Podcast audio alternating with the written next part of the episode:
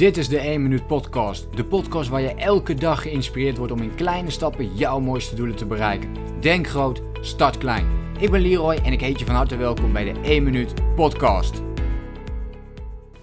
Zoals je inmiddels van me gewend bent, geef ik hier en daar eens een keer een uh, boekrecensie op een heel uh, bijzonder boek voor mij of iets waar ik veel inzichten uit heb gehaald. En vandaag ga ik er weer een met je delen. Ik krijg wel eens de vraag, Leroy, um, hoe krijg je nu meer discipline? Hoe krijg je nu meer zelfcontrole? Hoe krijg je meer wilskracht?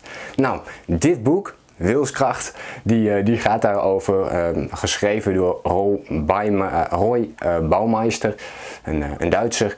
En ja, hij heeft dit boek geschreven en het is een heel interessant boek. Waarom onderscheidt dit boek zich van andere boeken? Vind ik in ieder geval. Het is wetenschappelijk heel sterk onderbouwd, maar het is ook op zo'n methode geschreven dat je ja, er heel veel dingen voor jezelf uit kunt halen. Het, is, niet, het leest niet heel erg makkelijk weg, er staan heel veel onderzoeken in.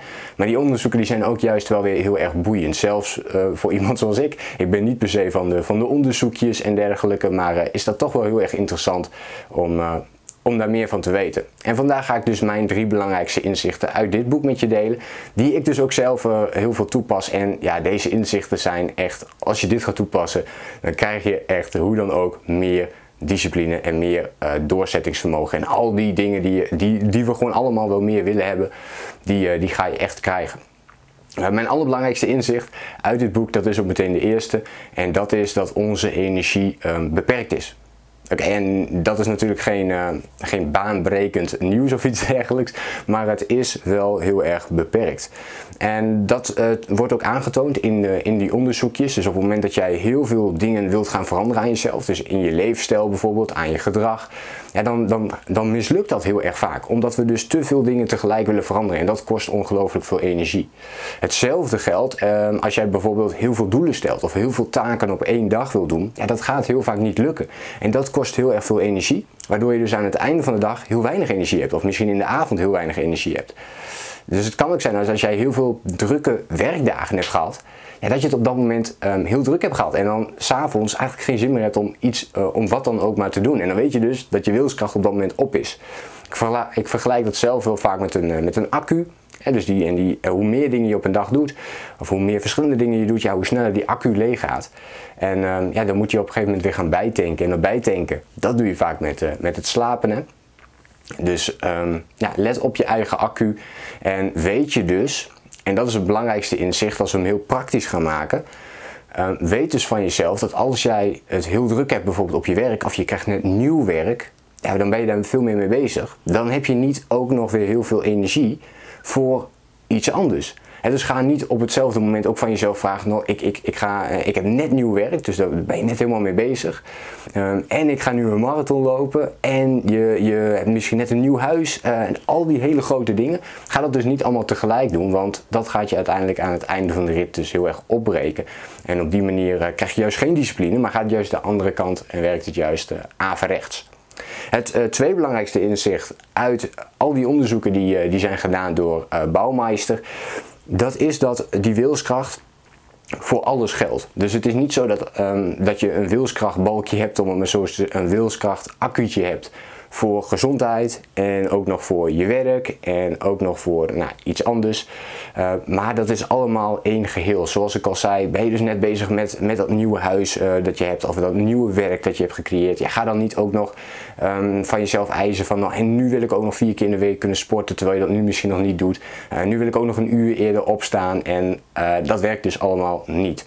Je wilskracht is één grote accu die je hebt. En zodra je die inzet op een bepaald gebied, ja, dan gaat het gewoon sneller leeg. Ga je dat dan ook nog met andere dingen doen, ja, dan raak je dus gewoon helemaal uitgeput. En doe je op een gegeven moment helemaal niets meer.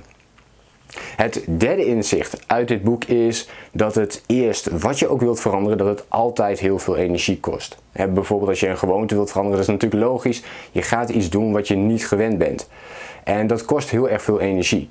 Maar zo zegt Bouwmeister ook, ga je dit een hele poos doen en wordt het een gewoonte, en dan kost het op dat moment natuurlijk geen energie meer. Hetzelfde, eh, een heel simpel voorbeeld is natuurlijk als jij, uh, toen jij leerde fietsen. Nou, in het begin kost het heel veel energie om natuurlijk iedere keer weer op die fiets te stappen, weer uh, te trappen en dan val je weer om en, en op die manier sta je weer op en je probeert het weer. En ja, dan raak je, aan het einde van de dag ben je gewoon helemaal uitgeput.